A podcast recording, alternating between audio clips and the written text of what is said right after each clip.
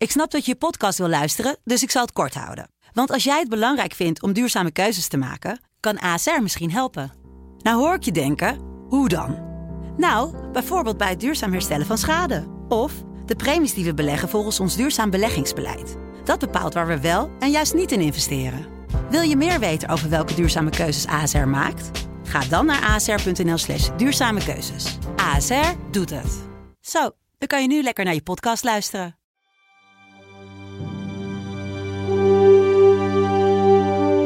Dit is Delta Tango, de internationale veiligheids- en defensiepodcast van de Telegraaf. Mijn naam is Olof van Jolen. Vrijheid is niet gratis. Het is een leus die militairen van hoog tot laag graag aanhalen. En daarmee bedoelen ze niet alleen dat voor onze vrijheid in de Tweede Wereldoorlog vele duizenden de hoogste prijs hebben betaald. Ze refereren ook aan de actuele prijs van vrijheid. Het geld dat wij als Nederland in defensie steken. Dat defensiebudget liet jarenlang een dalende lijn zien. Na de val van de Berlijnse muur in de opeenvolgende kabinetten met grote graagte het zogeheten vredesdividend. Het gevolg was dat onze krijgsmacht een uitgewoond huis werd. En pas eind vorig decennium, na een laatste bezuinigingsronde van een miljard, kwam de trendbreuk. Maar ook al wordt er meer geld voor defensie uitgetrokken, er blijven onheilspellende geluiden klinken over een lege kas bij de krijgsmacht. Ik ga er vandaag in de aanloop naar Prinsjesdag over praten met Tom van den Berg, voorzitter van de militaire vakbond AFNP. Tom, welkom. Dankjewel. Om met de basics te beginnen, hoeveel geld steken we eigenlijk in defensie? Ongeveer 11,5 miljard per jaar. eh. Oké, en is dat, eh, eh, als je het moet duiden, is dat afgezet tegen bijvoorbeeld zorg of politie, is dat veel of is dat weinig? Nou ja, als je hoort dat we aan zorg meer dan 1000 miljard per jaar uitgeven, dan is, dan is, dan is dat wel aan de lage kant. En als je, als je dat afzet tegen de buren, hoe staan we er internationaal voor? Nou, als we kijken naar de NAVO, dan staan wij in de rechter rijtje onderin eh, op de positie van ongeveer Pek Zwolle eh, qua defensieuitgaven. Dat is echt wel laag. We worden ook wel een freerider genoemd. En als het in, eh, in Brussel over, bij de NAVO over het defensiebudget gaat, dan staren alle Nederlandse adviseurs en militairen dan naar de schoenen. Beschamend. Ja, want dat, dat die bijdrage aan, aan de NAVO, onze internationale investeringen eigenlijk in, in, in veiligheid, die worden uitgedrukt in het bruto binnenlands product. Hè? Ja. En wij zitten nu rond de. Ja, rond de 1,25 procent. En als de economie groeit en de defensiebegroting niet, dan daalt dat natuurlijk. Ja, en complicerende factor is begreep ik ook zelfs dat, eh, dat dat getal misschien zelfs nog een beetje aan de, aan de positieve kant eh, is zoals wij hem het voorschotelen. Ja, er worden kost, eh, kosten die niet aan de gevechtskracht bijdragen, kunnen, worden ook bij dat bedrag opgeteld. Dus zou het ook over be- bepaalde personeelskosten kunnen gaan.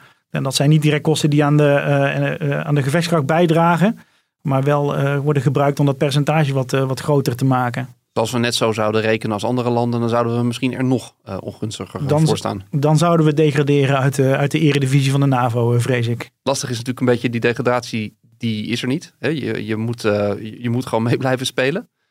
Voor de helderheid, wat natuurlijk is om, om even een herinnering te roepen. We hebben beterschap beloofd. Dat klopt. In 2014 heeft Mark Rutte beloofd dat wij in 2024 2% van ons BBP aan defensie uit gaan geven. En dat gaan we bij lange na niet halen. Dat is in het loop der tijd ook afgezwakt naar streven naar het Europees gemiddelde. Dan heb je over 1,7% en zelfs dat gaan we niet halen. Dus eh, dat is echt eh, een slechte zaak. En daarbij breken wij weer een belofte. Als vakbondsman zie jij bij uitstek eh, wat dat doet met mensen die werken bij Defensie. Je hebt zelf ook een, een lange loopbaan achter de rug als, als officier bij, bij de krijgsmacht. Ja, wat, wat doet dit met, met de mensen? Nou ja, het toont aan dat er weinig politieke steun is, eh, allereerst. Maar eh, schepen die eh, liggen aan de kant omdat er geen geld is voor onderhoud. Ehm, de kazernes en de gebouwen liggen er belabberd bij. En er circuleren bedragen van 6 miljard aan achterstallig onderhoud alleen al aan vastgoed binnen Defensie. Ehm, eh, eh, nou ja, er zijn te weinig reservedelen. Er is weinig munitie om te verschieten, weinig kapitale munitie. Eh, de- waarbij we niet eens aan eh, bepaalde normen voldoen in de NAVO eh, aan, aan oorlogsvoorraden, waarin geïnvesteerd moet worden. Dus het is over de hele breedte zorgt het voor grote problemen. Ja, en wat, is, wat, wat doet dat met je mensen? Ja, die, dat demotiveert de mensen. Het, ze zijn enorm teleurgesteld in de politiek. Wat je hoort is dat, de- we hebben net gezien wat er in Kabul is gebeurd. Dan wordt er keihard geroepen van waar zijn die militairen? Nou, precies op de plek waar u ze heeft achtergelaten met te weinig geld en te weinig steun. Ja, en eh, we hebben natuurlijk ook bij Defensie te maken met een, Uh, met een groot tekort aan mensen. Heel veel onvervulde vacatures. Want hoe, hoe erg is het op dit moment nu? Uh, volgens de formulieren zijn er zo'n 9000 vacatures die niet, die niet gevuld zijn. Dat zijn, dat zijn er heel veel. Wat er een verband te leggen? Verdienen mensen te weinig? Of? En aan de onderkant verdienen, zeker aan de, in de lage rangen, vind ik dat de mensen veel te weinig verdienen. Uh, ook uh, als het gaat om, uh, om oefentoelages. als jij in het weekend moet oefenen, dan werk je 12 uur misschien wel op een hele dag. En dan krijg je dan 35 euro voor. En dat is een vakkenvuller bij de Albert Heijn verdient meer. Een ja. 14-jarige vakkenvuller. Dus ook daar knelt dat budget. Hè? Want als je, als je meer geld zou hebben, zou je mensen ook beter kunnen belonen. Absoluut, ja. En, en wellicht zouden we dan ook niet enorme tekorten hebben aan mensen. Nee, ja, het is natuurlijk over de hele breedte van de arbeidsmarkt lastig. Maar zeker voor Defensie is het heel lastig te concurreren uh, met, uh, met, met civiele bedrijven die gewoon veel beter betalen. En daar waar je niet uh, zes maanden per jaar weg bent om te varen, of drie maanden per jaar om te oefenen, of een uitzending mee moet pakken. En dat telt natuurlijk ook mee. Nou ja, al die, die alarmerende geluiden die jij ook schetst, die kwamen onlangs samen met een noodkrit van de commandanten van Marine, Landmacht, Luchtmacht en Marechaussee. Het gaat zo niet langer meer, vertelde ze in een interview met Dagblad Trouw. En uh, de vertrekkend commandant der strijdkrachten, Rob Bauer, die zei het in Buitenhof als volgt. Ik denk dat wat uh, goed is om te zeggen, is dit kabinet heeft wel stevig geïnvesteerd in defensie. We hebben 5,5 miljard gekregen in de afgelopen vier jaar, 1,7 mm. miljard structureel. En dat was hard nodig. Uh, maar dat geld is als het ware, we zijn eerder dan verwacht, omdat we tegen de grenzen van onze portemonnee aangelopen. Mensen hebben heel lang gedacht, we gaan, jullie zijn niet in staat om het extra geld dat je krijgt goed uit te geven. En dat, is, en dat is wel zo gebleken. Dus we geven onze begroting gewoon keurig netjes uit nu. En alle problemen die er al waren, die bekend waren, mhm. ook al in 2017, die zijn daardoor weer naar boven gekomen. Waardoor we de tering naar de nering aan het zetten zijn. En daardoor vliegtuigen aan de grond houden, schepen tegen de kant leggen. Ja, Tom, wat mij nou een beetje verbaasde aan al die, aan al die geluiden, is dat ik uh, de afgelopen jaren uh, overwegend alleen maar positieve dingen heb gehoord. Het ging goed, we herstelden, het kwam, uh, het kwam allemaal goed. Hoe, hoe moet ik dit dan zien? Ja, de toon was natuurlijk positief omdat er geld bij kwam voor het eerst in lange tijd. En dat, dat leidde ook wel tot, uh, tot, uh, nou ja, tot een positieve kijk op de toekomst. Maar wat we zagen is dat, het, uh, dat er zoveel achterstallig onderhoud was. Dat dat, dat geld dat, dat verdween al voordat het, voordat het uitgegeven was. Stel dat jij een auto hebt van, van 10 jaar oud. Je hebt nooit, een, nooit onderhoud gepleegd. En je doet één keer een, een kleine beurt op de auto. Ja, dan gaat de auto niet gelijk beter van rijden. En zo is het ook met Defensie. Er zijn, de problemen zijn zo breed en zo diep ja, dat, je, uh, dat, je die, uh, dat dat geld dat moeiteloos over de problemen kunt uitspreiden en dan nog steeds problemen hebt. Ja, het is een beetje, laten we zeggen, de, de, om in de beeldspraak te blijven, een soort, soort brand. Uh, je blust nu een deel ervan, maar er is eigenlijk zoveel vuur dat je gewoon veel meer water nodig hebt om de ellende weg te werken. Ja, dat klopt. Wat, als, je, als je het zou moeten benoemen, wat, wat, wat zijn dan de allergrootste problemen? Wat, wat behoeft nou als eerste echt de oplossing? Nou, heb je even, zou ik bijna willen zeggen. Uh, nou, nou we, we, hebben een hele podcast in ieder geval. Dus. Nou, ik vind het belangrijk dat het personeel gewoon uh, goed en rechtvaardig betaald krijgt. En met name in de, in de lagere rangen. Um, dat, daar kan echt wel een stap bij. Um, als je kijkt naar infrastructuur van Defensie, dan daar is echt heel veel geld voor nodig om dat uh, op, op goed op peil te brengen. En dan hebben we Hoeveel, waar moet men denken? Ja, dat gaat om, dat, alleen vastgoed gaat al over een bedrag van 6 miljard, wat ik gehoord heb. En dan, uh, dan heb je alleen de gebouwen nog maar op orde. Uh, de huidige gebouwen. Dan hebben we nog niet echt aan nieuwbouw gedaan en zo. Want die gebouwen zijn door de loop der jaren heen. Uh, ja, ik ben zelf, kom ook regelmatig op defensielocaties. Ja, af en toe dan, dan. Ik was bijvoorbeeld op de Bernhard-kazerne in Amersfoort een paar maanden geleden. Op een, op een projectbureau. En ik dacht. Mensen worden gehuisvest zo oud en, en, en verlopen dat je denkt van hoe moet je hier met plezier naar je werk gaan? Ja, er zijn heel veel gebouwen van Defensie zijn natuurlijk ook rijksmonumenten. Dat is prachtig, hè? het zijn hele mooie historische locaties. Maar als de overheid jou een norm oplegt dat in 2024 al jouw gebouwen een milieulabel C moeten hebben. En je hebt uh, letterlijk gebouwen met rieten daken en enkele beglazing. Ja, dan, dan moet je daar heel veel geld tegenaan stoppen om dat uiteindelijk op norm te krijgen. En uh, dat kost gewoon heel veel geld. Ja, en, en dan hebben we het nog ineens over dat het er een beetje prettig uitziet en dat mensen daar gewoon zich, uh, zich prettig voelen als ze daar gaan werken. Ja, en dat het op de locaties ligt waar, het, uh, waar, je zou willen zijn. Hè? Want we hebben eigenlijk alle belangrijke posities in het westen van het land hebben opgegeven. Stel dat jij in, eh, in, in Rotterdam woont en jij wilde niet naar de mariniers toevallig, want dus we hebben wel een marinierskazerne in Rotterdam, dan, en je wordt geplaatst in Havelte, ja, dan zul je daar iedere keer naartoe moeten reizen. Dus we zitten allemaal in de periferie van, van Nederland. En dat is ook um, lastig als je kijkt naar de toekomstige uh, beroepsbevolking. Die is niet meer uh, de, de, beroepsbevolking van een paar, een paar jaren terug. Die willen niet meer iedere dag twee uur in de auto zitten om naar het werk te gaan. Of een hele week van huis zijn als, als ze op de kazerne moeten zijn bijvoorbeeld. En ook maatschappelijk is er natuurlijk veel veranderd. Hè? Dat, Absoluut. Was een heel interessant om te zien in het hele debat rondom de verhuizing van de mariniers naar Vlissingen dat het uitgangspunt van, van de oudere politici en de oudere leidinggevenden nog wel zoiets was van, nou ja, de marinier die, uh, die blaast thuis op een fluitje en uh, moeder, de vrouw en de kinderen die uh, volgen gedwee. Ja, dat is natuurlijk een soort maatschappelijk beeld wat gewoon al lang niet meer bestaat. Mensen hebben allebei een baan, hebben allebei zorgtaken en, en dat werkt niet meer zo dat iedereen om de paar jaar maar allemaal weer alles inpakt en verhuist. Nee, dat klopt. En als je ziet dat 35% van de beroepsbevolking in het Westen woont en laat dat nou precies de plek zijn waar we nauwelijks een aanwezigheid hebben. Ja, dan kun je ook een deel van de vacatures verklaren. Ja, en dat is zeggen, de, de harde infrastructuur. Dat is uh, kazernes, andere locaties. Maar, maar waar, zit, waar zit de pijn nog meer? Je hebt personeel aangeduid. Als, ik ga maar kijken naar, naar materieel, hoe zit dat? Ja, materieel is, er is heel veel achterstallig onderhoud en heel veel tekorten op instandhoudingsbudgetten. Um, dat gaat om vele tientallen miljoenen per jaar. Um, je hebt het dan ook natuurlijk over, over kapitale munitie. Daar zul je een bepaalde voorraad voor moeten aanhouden als je, voor als het voor het echi is. Nou, daar voldoen we niet aan. veel munitie loopt ook uit, uit um, die verouderd. Hè, die, die, zul je op een gegeven moment moeten vervangen. Ook daar is, is, is te weinig geld voor. Net er is luid, hebben wij nog over gepubliceerd, ook een, juist een bijstelling van de norm nog gekomen, dat het, het gebruik naar beneden moet. Ja, dat klopt. En dat, dat is dus puur omdat wij een bepaalde voorraad moeten aanhouden die we niet hebben. Nou ja, dan kun je een aantal dingen doen. Je kunt meer gaan simuleren of je kunt de norm omlaag schroeven. En dat hebben we gedaan. Maar het interessante blijft dan uh, hoe, hoe, dat, hoe die noodkreet uh, die we gezien hebben, uh, die, die heel bijzonder was. Want over het algemeen, commandanten van, van krijgsmachtdelen, die zijn de laatste die zoiets zouden doen. Het was ook goed georchestreerd vanuit, vanuit het Haagse om dit te doen.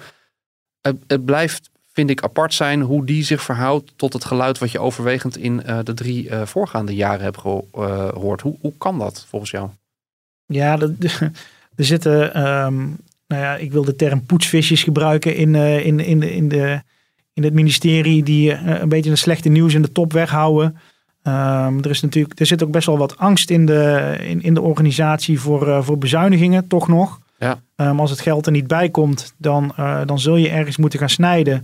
En als jij net slecht in het nieuws bent omdat jouw, jouw eenheden niet getraind zijn of je materiaal niet in stand gehouden is, dan zou het zomaar kunnen zijn dat, uh, dat er daar gestreept wordt. Daar is, dus best wel wat angst in voor in de organisatie. En dan ben je meer geneigd het positieve nieuws te brengen. En dan zou je kunnen zeggen dat, dat die stap die er dan gezet is om, om wel een keer die noodkreet te geven, um, dat die, dat die uh, maakt dat wij spreken de situatie echt heel alarmerend is. Dat mensen dan in die, die stap pas zetten. Ja, dat is de, het is ook goed voor de mensen op de werkvloer. Hè. Die voelen zich nu ook eindelijk gesteund. Um, er was altijd een uh, gevoel van afstand tussen, de, tussen Den Haag en de, en de rest van Defensie. Um, dus het is goed dat dat geluid wordt vertolkt. Uh, maar nu moet het doorgepakt worden. Ja, en daar, uh, daar schort het nog aan. Ja, hè, want dat is natuurlijk nu ook. De timing was niet toevallig, want het, het, viel allemaal vlak voordat we begonnen met een formatie. nou, die formatie, dat, dat weten we, dat gaat niet zo snel op dit moment. Um, minister Bijleveld en staatssecretaris Visser, die, die maakten voor de verkiezing al een soort politiek testament. En daarin zeiden ze, dat er sowieso 4 miljard euro per jaar bij moet om de krijgsmacht op orde te krijgen. Uh, staatssecretaris Visser, inmiddels uh, opgestapt, die legde bij WNL uit waar dat bedrag vandaan kwam. Als je kijkt naar alle dreigingen in de wereld, en je kunt niet alles voorspellen, maar je moet wel op alles voorbereid zijn. En we kijken naar onze grondwettelijke taak, want Defensie staat gewoon in de grondwet. Wij hebben het Koninkrijk der Nederlanden te beschermen. Dat kunnen we op dit moment niet. We zitten nu uh, nog lang niet bij die NAVO-norm. Gelukkig wel stappen gezet. Maar we hebben gezegd, eigenlijk in de volgende kabinetsperiode...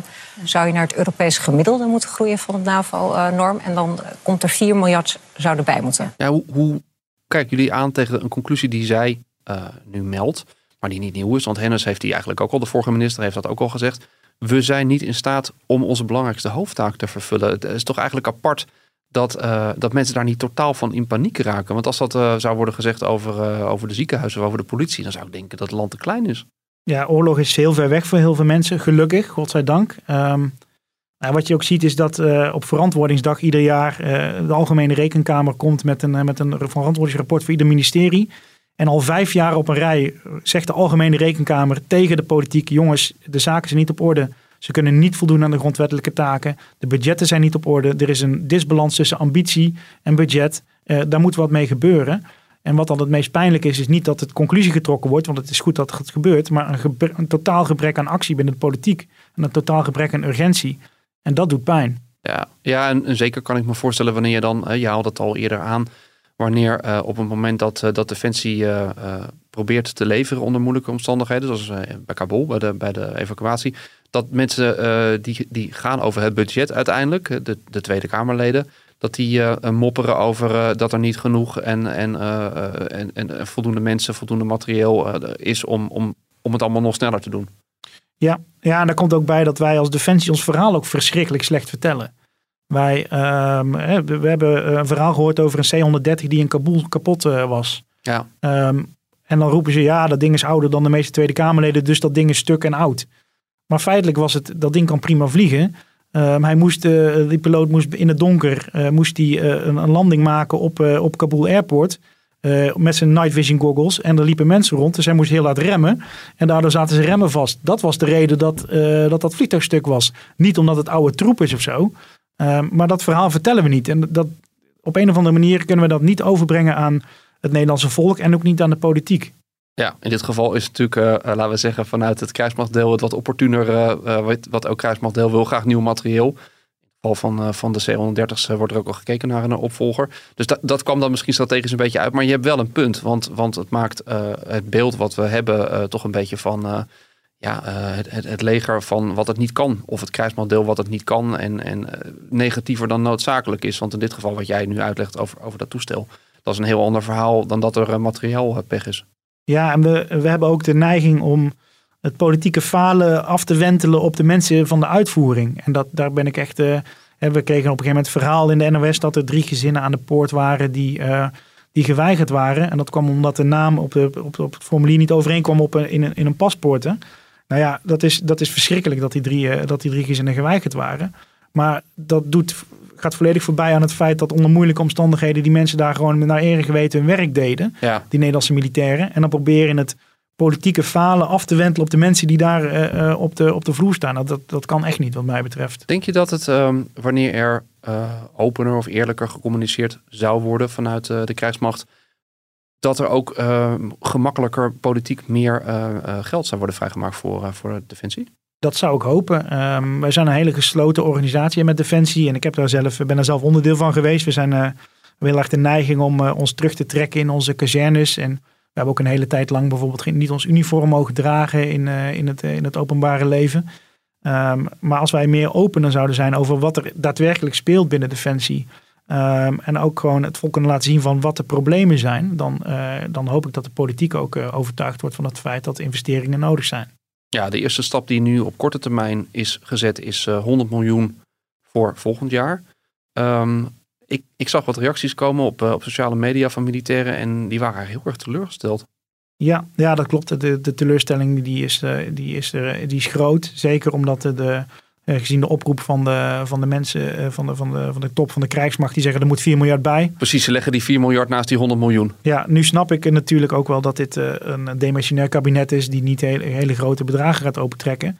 Maar als je het jaar daarvoor 200 miljoen aan, de aan, aan Afghanistan toezegt en 100 miljoen aan defensie het jaar erop, ja, dan, dan, dan er is een verband wat, wat lastig te leggen is. Maar dat, dat geeft dan een signaal aan, de, aan de mensen. En ja, de teleurstelling is dan ook groot. Ja, het vervelend natuurlijk ook van die, van die huidige formatieperikelen is dat het allemaal nog weer langer duurt. Hè? Het is niet dat er nu uh, een, uh, snel een regering gevormd is en, en duidelijk is gemaakt van luister, dit is wat er in het vat zit voor Defensie. Dus dat komt allemaal bij elkaar wat dat betreft nu dan. Ja, tot slot, het is iets waar militairen uh, niet graag aan zullen willen denken. Maar uh, als die 4 miljard er nou niet komt. Hè, ik, ik hoor wel van de, van de Haagse collega's dat er signalen zijn dat, uh, dat het er niet heel negatief uitziet. Maar wat nou als, als er toch in die, in die moeizame gesprekken rond de formatie nu wordt gezegd, nou, een miljard, het is wel mooi geweest.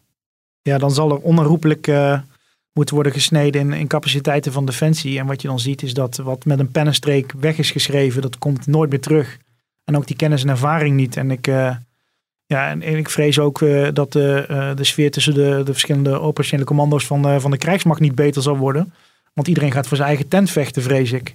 En dan gaat de marine roepen dat de, de, landmacht wel wat kleiner wordt. En de landmacht dat de luchtmacht wel wat kleiner wordt. En Dosco vindt dat DMO. En dat is niet goed. We moeten met een gezamenlijk verhaal komen. Met een goed verhaal.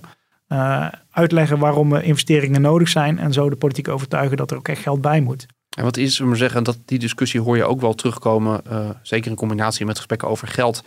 van joh, ons land is eigenlijk te klein om zo'n krijgsmacht te hebben die alles zelf kan. En dat is de gedachtegang nu achter onze huidige krijgsmacht. Ehm, we moeten scherper kiezen, we moeten specialiseren. Hoe, hoe sta jij in, in die discussie? Ja, dat is natuurlijk een politiek besluit. Maar wat je, wat je niet kunt in een militair bondgenootschap, is bij iemand op de bagagedrager uh, gaan springen en zeggen: wij gaan samen fietsen. Want uiteindelijk zit die hele man voor alleen maar te trappen. Dus je zult ook een bepaalde burden sharing moeten doen. Ja. En ook die 2% norm, die staat gewoon. Die hebben we afgesproken internationaal. Um, kijk, wat er in brede zin mist, is een, is een Nederlands veiligheidsbeleid. Van hoe zien wij de positie van Nederland in de wereld en wat is de rol van defensie in buitenlands beleid. En uh, daar uh, zie ik weinig visie. Ook niet in, in het plan wat nog door, uh, door Hennis gepresenteerd, of sorry, wat door minister Bijleveld gepresenteerd is, de, de, de toekomstvisie, de, de defensienota. De defensievisie 2035, die, die, is, die is te vaag om daar te zeggen van nou, nou zo gaan wij onze organisatie inrichten. Daar staan een aantal beginselen in. Waar je overigens ook nog over kunt twisten trouwens. Maar het is onvoldoende om te zeggen van nou zo moet de, de defensie van 2035 eruit zien. Want dan zou je meer helderder moeten zeggen van oké, eh, dit zijn de dreigingen waar we het over hebben. Die gaan we zo uh, tegemoet treden. En daar hebben we dit voor nodig. Toch de vertaling ook naar eenheden, materieel. Uh... Juist, en, en die ontbreekt. En die ontbreekt eigenlijk in brede zin in Nederland. Van hoe gaan wij defensie inzetten in het buitenland? Hoe zien wij onze positie in de wereld? Want het is prima uit te leggen als wij als Nederland zeggen dat wij de haven van Rotterdam belangrijk vinden. Dus wij vinden zeevaart belangrijk. Dus wij willen dat de freedom of navigation op zee gewaarborgd blijft. En daar hebben we heel veel schepen voor nodig. Dus dan doen we een beetje minder uh, landmacht. En dan bieden we twee keer een bataljon aan aan, aan, aan, aan de VN bijvoorbeeld. Kijk, dat soort hele scherpe keuzes worden niet gemaakt. Nee, en ehm, zolang dat ook niet gemaakt wordt, dan blijf je toch een beetje hangen in uh, de discussies over een plakje minder van dat en een plakje minder van zus. Dan is het kaasgaven en we weten wat daar het gevolg van is. Dat is het uitkleden van defensie tot op het bot. Ja, nou, het, is geen, uh, het is geen vrolijk beeld. En helaas zal het nog even duren voordat duidelijk wordt of die financiële toekomst voor defensie er wat rooskleuriger uitziet. Want ja, dat wordt bepaald aan de formatietafel, we hadden het er al over. Vanzelfsprekend blijven wij het, eh, zoals u van ons mag verwachten, op de voet volgen. Ton van den Berg, dankjewel. Uh, we spreken elkaar vast snel weer. Dit was Delta Tango voor deze week. Bedankt voor het luisteren. Wilt u ervoor zorgen dat meer mensen deze podcast leren kennen? Laat dan een recensie achter op een van de bekende podcastplatforms. Wij melden ons over twee weken opnieuw met een onderwerp uit de wereld van defensie en internationale veiligheid. Wil je meer podcast luisteren? Probeer dan ook eens Kwestie van Centen, de financiële podcast van De Telegraaf. Als je kijkt hoe de staatsschulden oplopen, hoe de ECB al sinds de vorige crisis gewoon voortdurend maar nieuw geld in de economie pompt. Welke prijs gaan we hiervoor betalen dan? Met de scherpe analyses van Martin Visser. Je ziet gebeuren dat je stap voor stap richting een bepaald model gaat, namelijk het gezamenlijk financieren van dat soort schulden. Terwijl er natuurlijk gewoon geen politicus in Nederland is geweest die aan ons als kiezers heeft gevraagd, dan willen we dat. En Herman Stam. Luister naar deze podcast. We gaan dit vaker doen, want we hebben volgens mij nog maar honderd vragen over. Maar ik wil even voordat we... Elke vrijdag een nieuwe aflevering te beluisteren op de site of in de app van De Telegraaf of via je favoriete podcast-app. Ik denk dat wel duidelijk is dat ik wat uh, sceptisch ben.